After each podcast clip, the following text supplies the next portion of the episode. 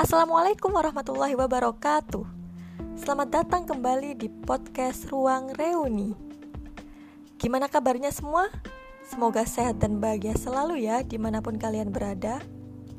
Di episode kali ini Aku mau ngundang seorang muslimah strong Yang lagi merantau jauh di ujung barat Indonesia Tepatnya di Pulau Sumatera dia dulu satu kampus sama aku dan sama-sama pengurus mosaik FEB UNER tahun 2016-2017. Dan dia dulu seorang ketua divisi kemuslimahan. Nah, anak mosaik pasti kenal nih.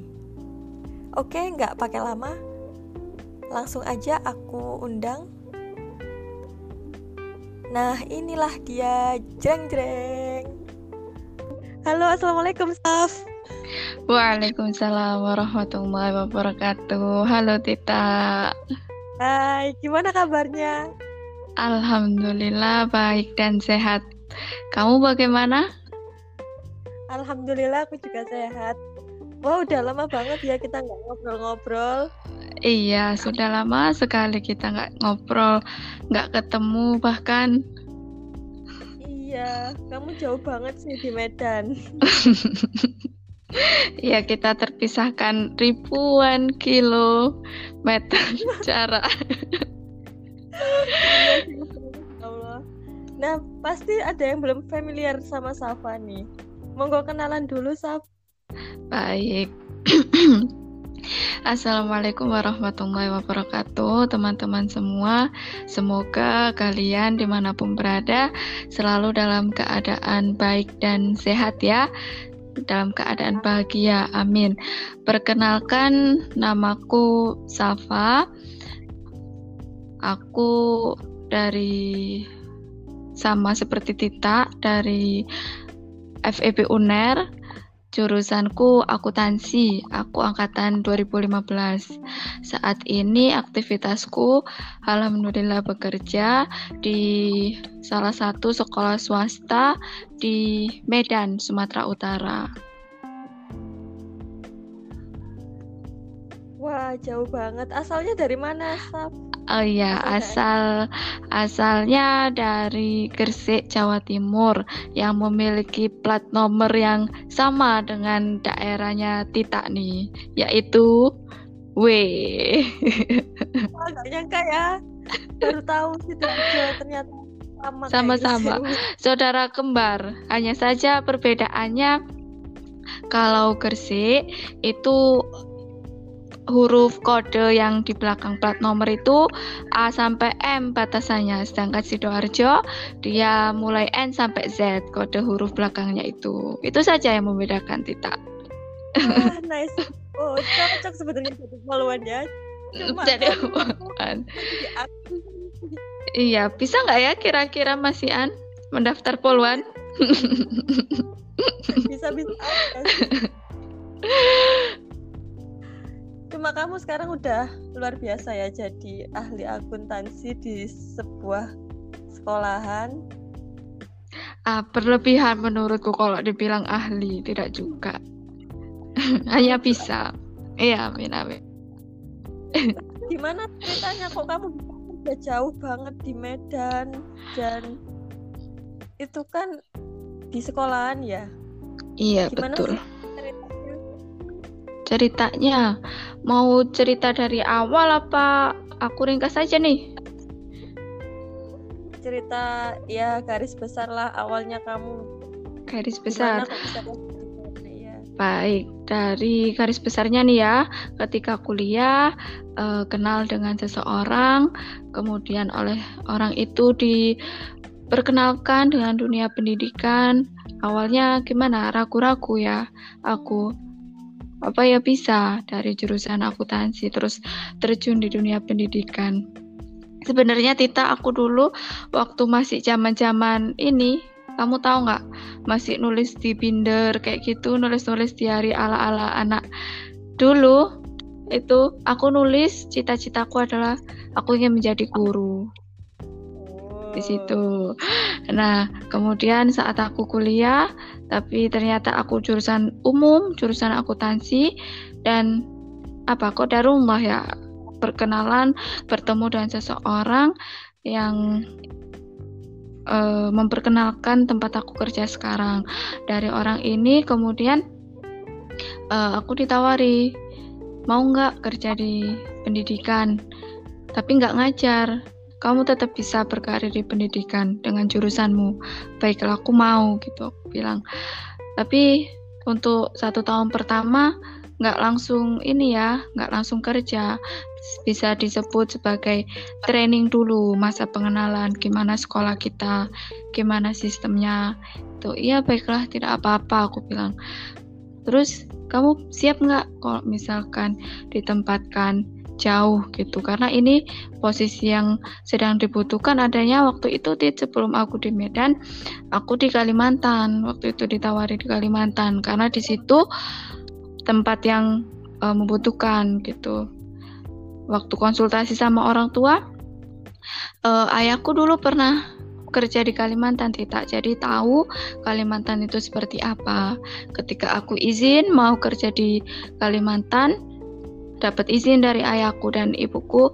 Ketika ayahku sudah bilang iya, ibuku juga ikut mengiyakan.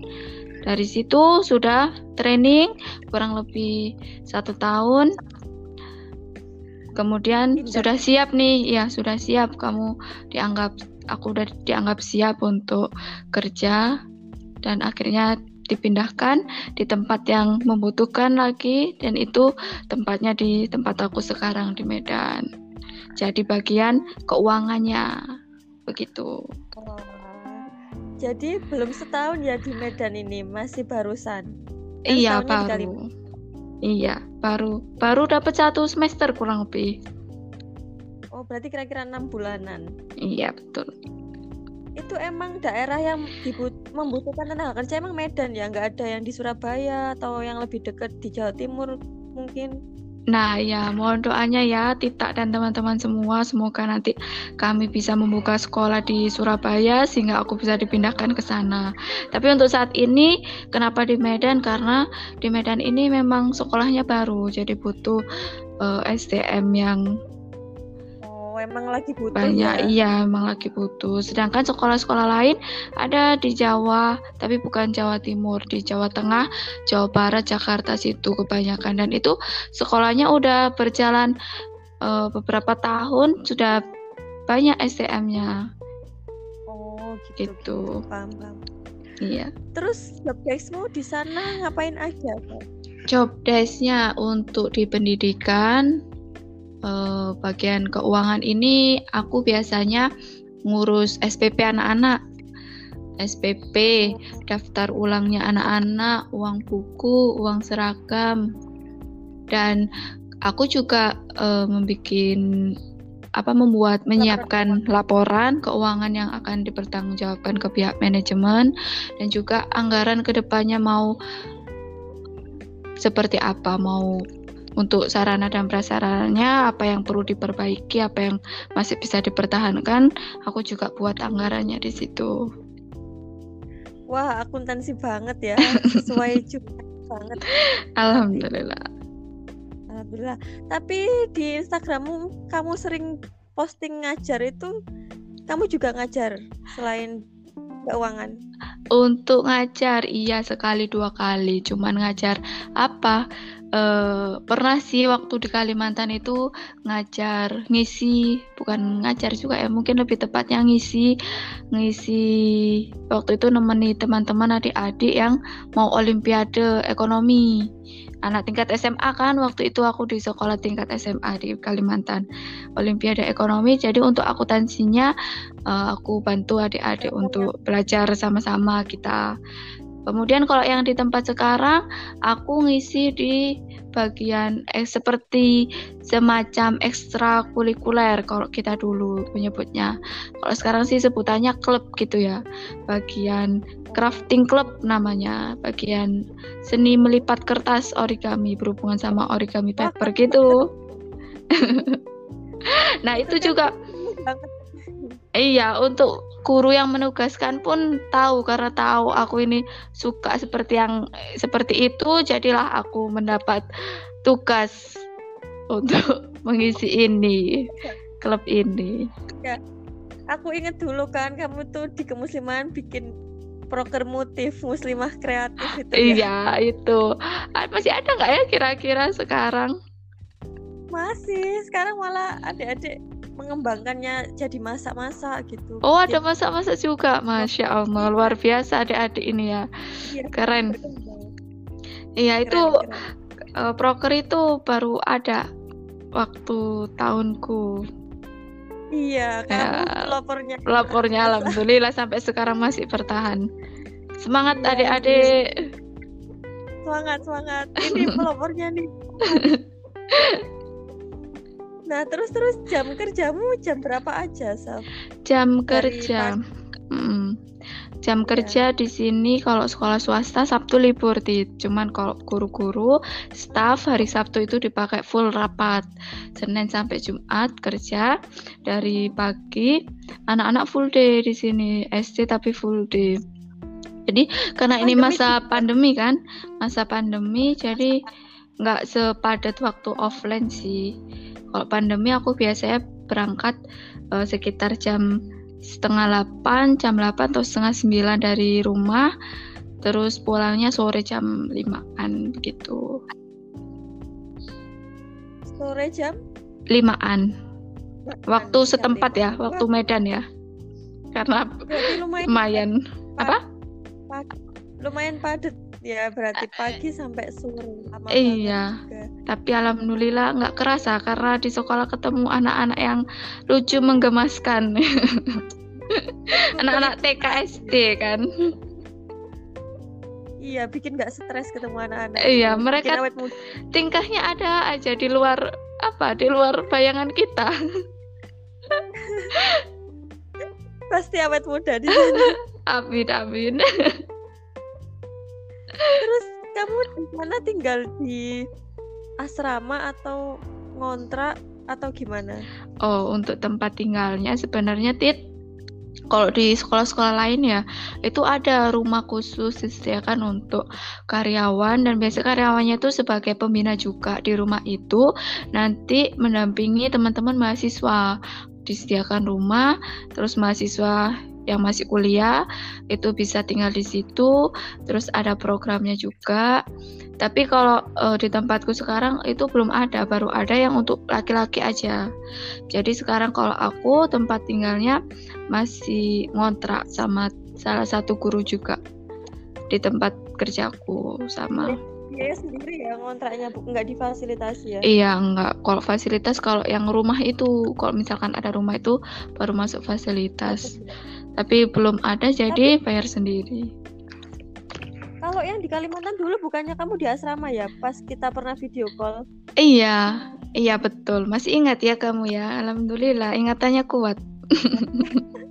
Uh, itu itu asrama memang kalau kita sekolah kita yang tingkat SMA, SMP itu ada asramanya dan asramanya juga butuh pembina.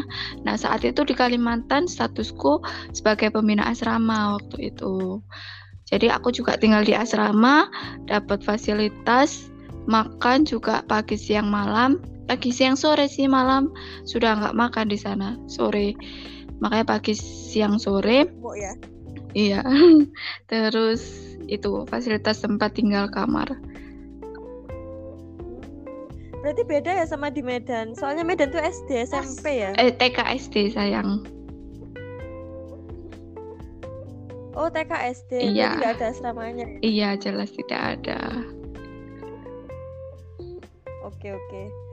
Terus dapat makan juga nggak di Medan atau beda?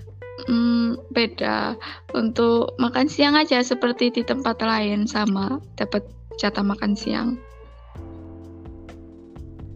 Terus selain dapat fasilitas itu plus minus apalagi yang didapatkan di kerjaan sekarang? Di kerjaan sekarang untuk aku sebut plusnya dulu ya kali ya.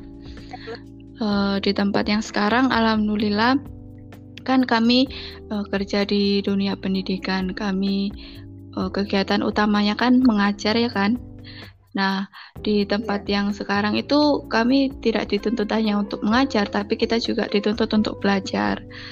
Dari tempat aku kerja itu disediakan uh, mengadakan sering banget mengadakan seminar-seminar nasional bahkan sampai internasional dan pembicara yang diundang juga bukan pembicara yang sembarangan pembicara yang uh, sudah terakui lah kredibilitasnya.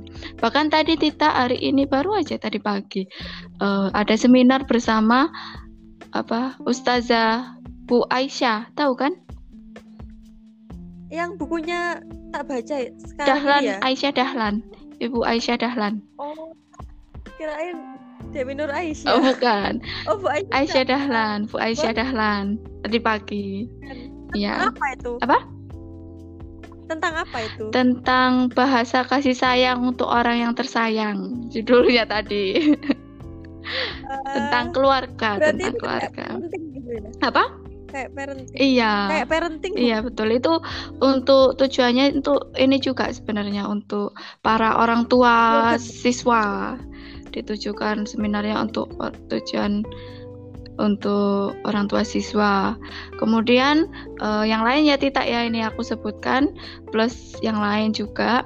Terus kami juga selain itu ada target ibadah ada juga tiap akhir bulan itu biasanya ujian. Jadi kami diberikan materi yang dibaca untuk selama satu bulan dan di akhir bulan akan diujikan materi yang sudah dibaca. Kemudian, berarti iya, keren nih. Kemudian uh, plus yang ketiga ada juga uh, kegiatan sosialnya juga jalan di sini. Sering gitu mengadakan uh, pengumpulan dana untuk santunan anak yatim, untuk orang-orang yang uh, tertimpa musibah seperti itu. Kegiatan sosial juga ada di sini. Keren, Kemudian keren. ada juga kemarin tit uh, program untuk kesehatan yang aku ikuti kemarin uh, eduran namanya eduran. Jadi kita uh, jogging apa jalan atau lari selama uh, sepanjang 50 km yang bisa dibagi ke kelompok-kelompok. Jadi satu orang kemarin aku sih tim ya. Daftarnya tim lima orang targetnya 50 km masing-masing 10 km dari timku dan itu alhamdulillah dapat medali kemarin. Itu Wah, itu pun daftarnya daftarnya tidak daftarnya pun uang pendaftaran ada uang pendaftaran kan tapi uang pendaftarannya full akan digunakan untuk dana sosial. Jadi nggak mengambil keuntungan Wah keren banget ya berarti lembagamu itu benar-benar berkontribusi buat Indonesia. Alhamdulillah. keren keren ada lagi mungkin uh, eh, plus plus yang kamu dapat itu yang secara garis Rata. besar tit kalau plus plus yang lain yang mungkin hal-hal kecil eh, banyak mungkin aku tidak bisa menyebut kayak di sini bisa sampai pagi mungkin pastinya pastimu juga banyak ya soalnya kan lembagamu ini se Indonesia kan ya iya tersebar dari berbagai kota tersebar di berbagai kota. Cuman untuk Pulau Sulawesi, Papua masih belum ada. Mohon doanya aja. Sampai sekarang sih uh, yang ada 10 sekolah ya yang di Aceh, di Medan, di Kalimantan dan di Jawa Tengah, Jawa Barat, Jakarta. Ada 10 sekolah. Ini lembagamu lembagamu ini berbasis Islami ya berarti ya? Pendidikan Siti, karena sekolah kami pendidikan untuk yang non muslim pun kami terima. Oh. Iya. Tapi untuk para karyawannya itu tadi dipantau perkembangan amalan yauminya juga kan? Iya, betul. Keren berarti. Lem Terus berarti plus-plusnya udah ya ini. Iya. Berarti lanjut ke minusnya. Oh ya, negatif ya. Apa kok negatif ya? Minus ya. Minusnya kerja di uh, lembak di tempatku sekarang itu pertama mungkin harus siap dipindahkan ke mana pun mungkin itu ya. Yang itu pastikan tidak mudah ya. Bahkan aku pun merasakan dari dari Jawa dipindah ke Kalimantan terus ke Medan dan belum pulang selama hampir setahun lebih sih ya setahun enam bulan kan ya? Itu belum pulang ke Jawa ya. lagi. Itu yang harus homesick nggak? homesick banget. Sering itu aku sampai menangis. Karena aku kangen tempatku tempatku berasal. Itu negatif uh, minusnya yang pertama. Siap dipindahkan ke mana aja. Kemudian yang kedua uh, mungkin bagi beberapa orang ya tidak semua di tempat kami ini uh, sesuai tadi yang udah aku bilang di plusnya itu kami di sini banyak sekali kegiatannya. Kalau menurutku kegiatannya sangat bagus, sangat positif, membuat kita produktif gitu kan. Cuman bagi beberapa orang itu uh, sangat terlalu mungkin terlalu sibuk mungkin ya, terlalu padat. Jadi bahkan waktu liburan pun mungkin akan tersita gitu untuk kerjaan. Tapi kalau aku, aku pribadi sih karena aku masih single, belum menikah, aku menikmatinya kan selagi ada waktu kenapa enggak gitu toh ini untuk kebaikan hal yang baik aku pikirnya gitu aja sih Tit iya daripada disibukkan dengan hal-hal yang sia-sia uh, iya ya. betul. Lebih baik kan sibuk untuk kebaikan-kebaikan. Iya. wah keren nih. Daripada gabut pikiran melayang. Nah jatuhnya galau. Iya karena usia kita ini rawan kan ya. melihat story uh, story sampai story teman-teman udah mulai lamaran udah mulai menikah punya anak bahkan hamil. Ah. uh, udahlah harap iya, bersabar ya. ya itu. harap bersabar. Semua akan indah pada waktunya. Iya. iya. Di usia sekarang kita mikirnya apa ya? Itu semua ada waktunya gitu kan ya. Udahlah. Jangan terlalu dipikirkan yang iya. berlebihan. Ada waktunya. Iya. Insya Allah tahun ini ya. Amin. Semoga kamu juga ya. Nanti apa? Selisih nggak jauh nanti kita semoga bareng iya nanti kan nggak bisa bareng. datang kalau bareng nggak ya nggak bareng tapi iya. berdekatan kita kan ada piala berdiri nah, ya. Nah, itu sampai mana sekarang ya? Siapa terakhir megang? Masih masih di piala. Ah, Terus nanti Rina. Rina. Harusnya ini yang punya uh, kewajiban menyerahkan nih Bella nih, menyerahkan ke Rina. Iya, wajib bawa anaknya. iya, anaknya masih kecil. Tapi Rina juga rumahnya jauh ya. Gimana ya? Iya, di Bojonegoro. Oh, Bukan ya, bukan Madiun ya? ya? Kok setahu aku Madiun sih? Oh iya, iya sih Madiun. ya oh, lupa aku. Madiun. Semoga kita bisa ini ya. Iya. Ini kan nyari. Amin, amin. Kapan kira-kira itu? Tuh, sudah tahu? April. Ah, April. Aduh, aku masih pulangnya Juni nih, Tit. Gimana? Oh. Virtual aja kali ya. Iya virtual lah sementara nanti kita agendakan lagi Juni ya. Iya, ya, Bismillah bisa. Jadi sampai mana ya? Minus Minusnya ya? udah aku sebutkan. Itu aja berarti. Mm -mm. Itu sih yang menurutku. Jadi lebih banyak lebih banyak plusnya. Lebih ya, banyak berarti. plusnya. Tergantung kembali kan, ter uh, kembali ke individu mau itu memandangnya sebagai plus atau minus itu kan laki-laki balik iya ya, kalau aku sih aku sendiri aku ya seperti itu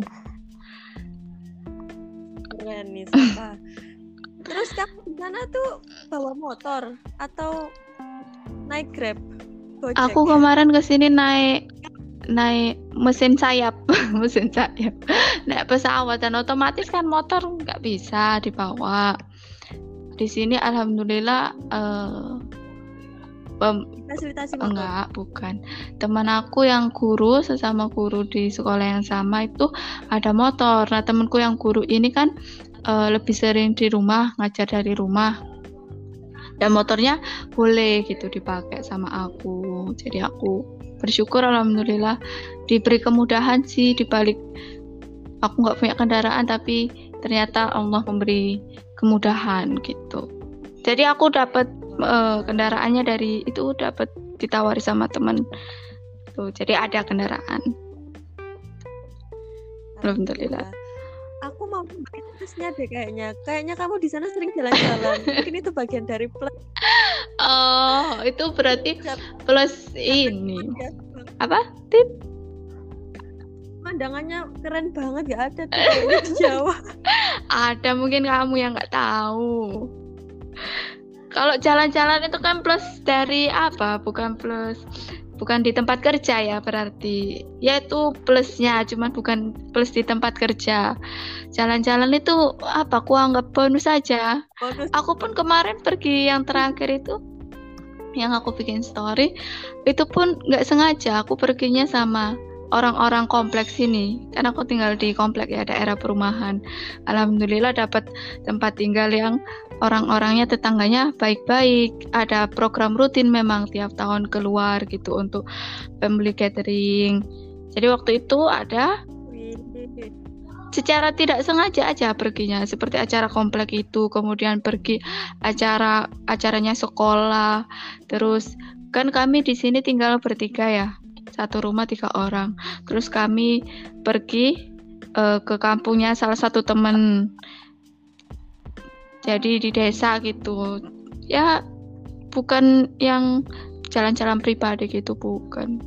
Tidak sengaja aja jalan-jalannya. Iya itu rezeki rezeki. bonus alhamdulillah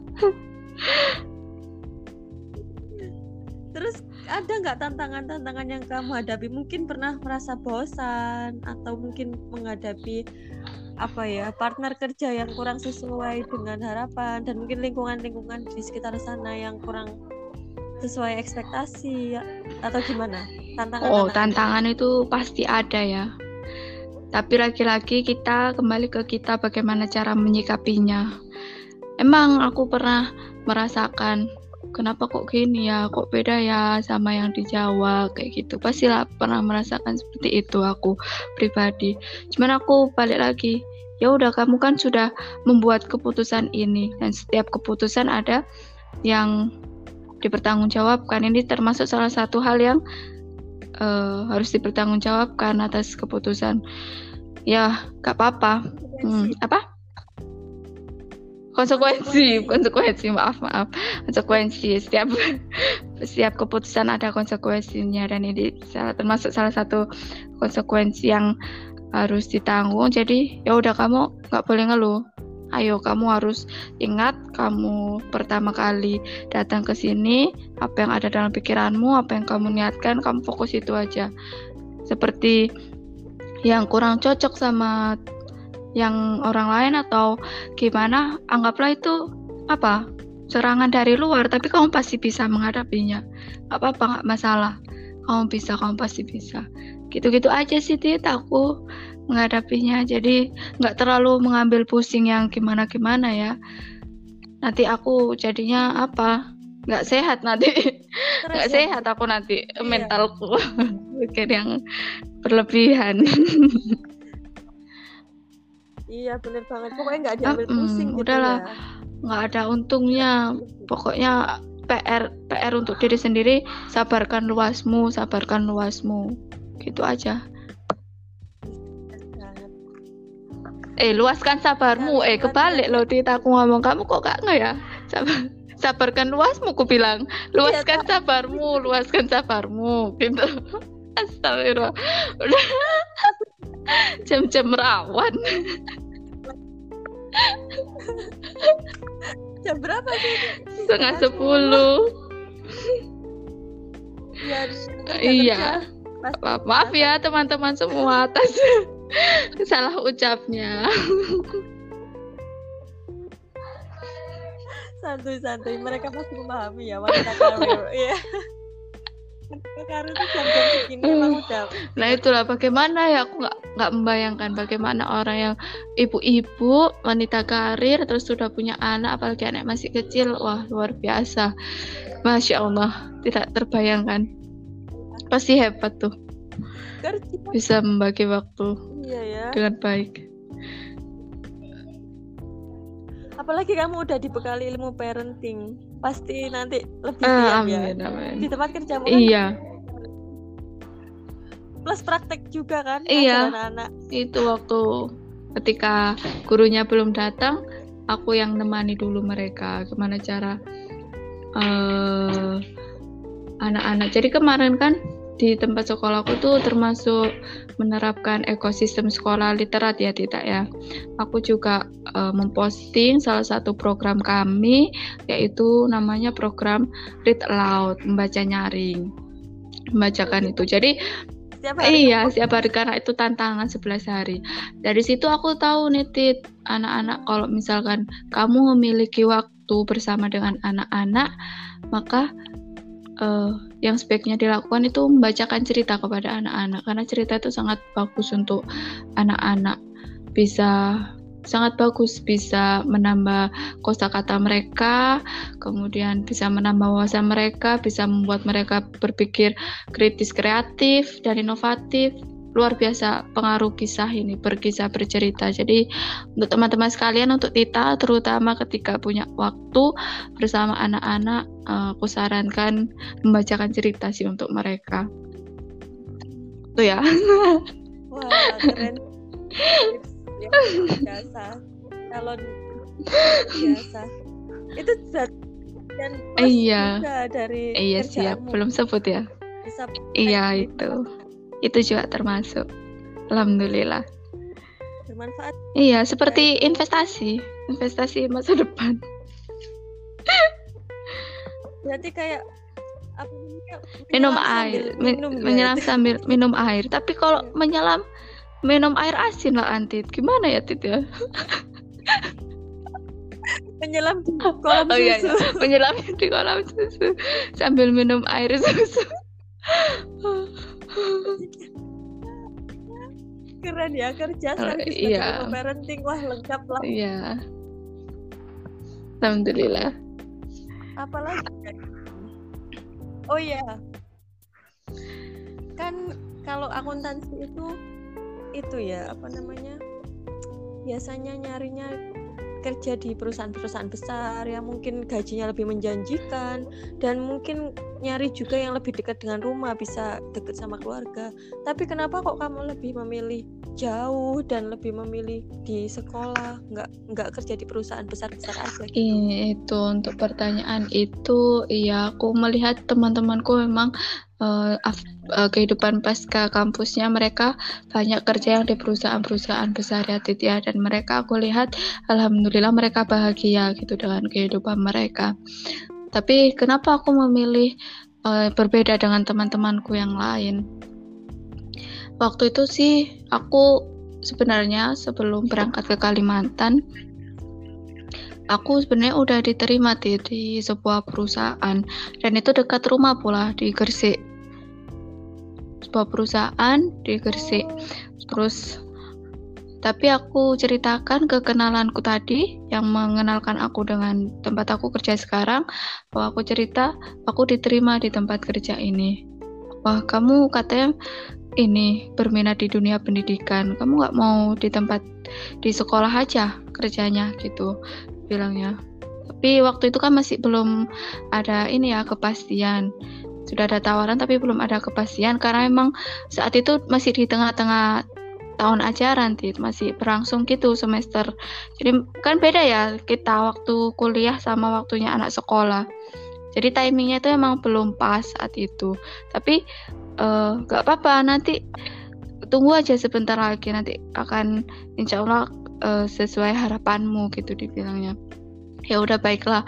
Aku mau. Jadi aku yang di perusahaan ini aku lepas. Aku memilih menunggu sebentar untuk bisa bekerja di dunia pendidikan sampai saat ini.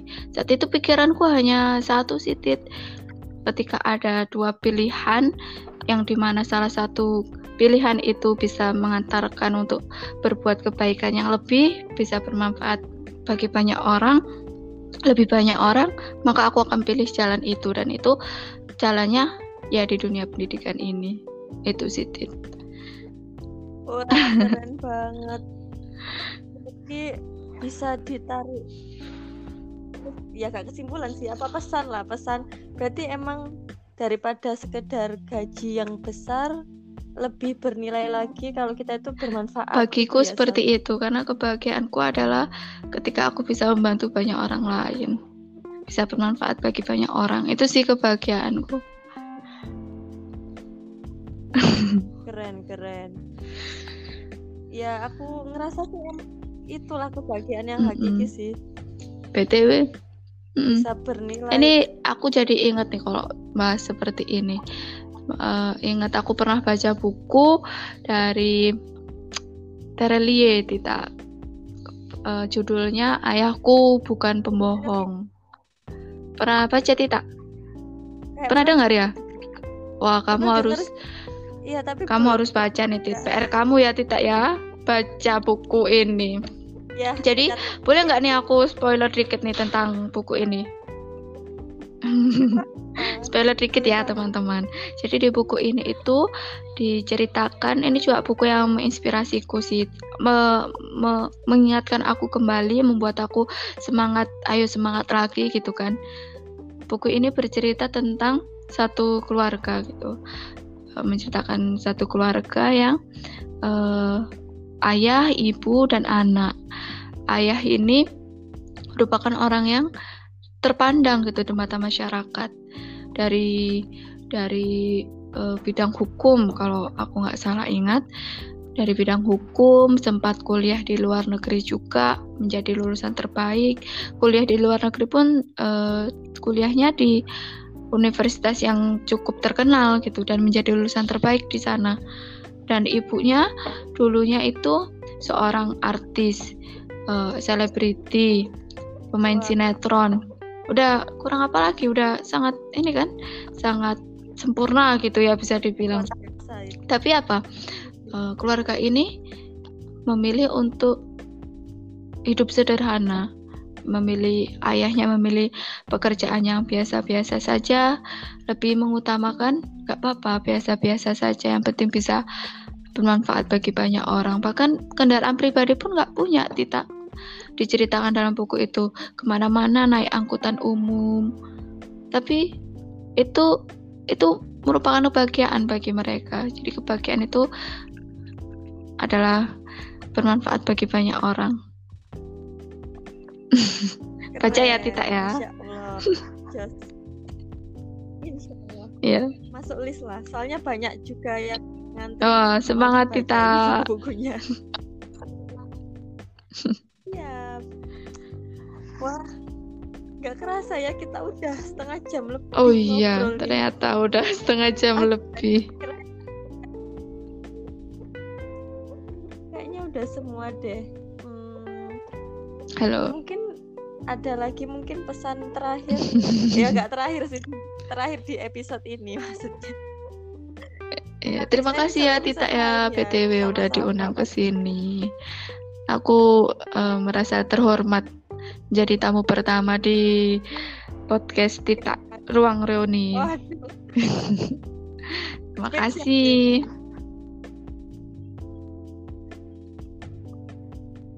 Ya aku yang makasih banget ya di tengah kesibukanmu kamu masih mau menyempatkan diri untuk sharing-sharing pengalamanmu dan segala pesan-pesan positif dari Safa semoga amin. bisa bermanfaat untuk semua pendengar podcast ini dan pastinya eh, amin, semoga menjadi amin, ya Allah, amin. Safa juga. Aku ingat ini. Aku ingat ini Musitit quotesmu ya, pernah kamu ini apa? Bisa pernah kamu up gitu di story kalau nggak salah. Memang apa di tengah kesibukan memang capek gitu kan ya. Tapi percayalah bahwa capek dalam kebaikan itu capeknya akan hilang kebaikan akan kekal gitu kan Tita ya? Bagaimana Tita? Quotesnya? Wah, wah emang iya itu emang ngena sih ya. Di tengah kesibukan, yeah. kelelahan, kadang kita itu ngeluh gitu. Tapi kalau inget ini lagi, yeah kalau ingat ini tuh kita kita semangat iya. lagi gitu loh. Oh iya ya kelelahan yang bakal iya. hilang dan akan wah keren keren. Tidak keren. Keren keren. Oke. Okay. ini ini berapa watt ini sobat oh. iya. Wattnya udah mau habis ini. Pengen tidur ya oke. Okay. ya terima kasih terima kasih terima kasih. Banget ya. Udah semangat terus amin. kerjanya. Semoga semakin dimudahkan dikuatkan. Amin amin. semoga kita amin. semoga demikian juga untukmu ya Tita ya. di tahun ini. Semangat untuk kita semua. Insya Allah. Semangat untuk kita semua. Ya. baik uh, ya saya pamit duluan ya Tita ya oke selamat istirahat terima kasih terima kasih teman-teman semua sudah mendengarkan obrolan saya Baik, saya pamit dulu, Tita, teman-teman. Selamat istirahat, Tita. Terima kasih sekali lagi. Saya akhiri uh, bahwa kebenaran hanya milik Allah dan segala kekurangan milik saya. Assalamualaikum warahmatullahi wabarakatuh. Waalaikumsalam warahmatullahi wabarakatuh. Nah, itulah tadi sharing-sharing dari bintang tamu spesial kita Semoga bermanfaat ya untuk semua pendengar podcast Ruang Reuni. Tetap setia mendengarkan podcast Ruang Reuni. Insya Allah next episode kita bakal mengundang bintang tamu lainnya yang tidak kalah fenomenal-fenomenal juga. Insya Allah.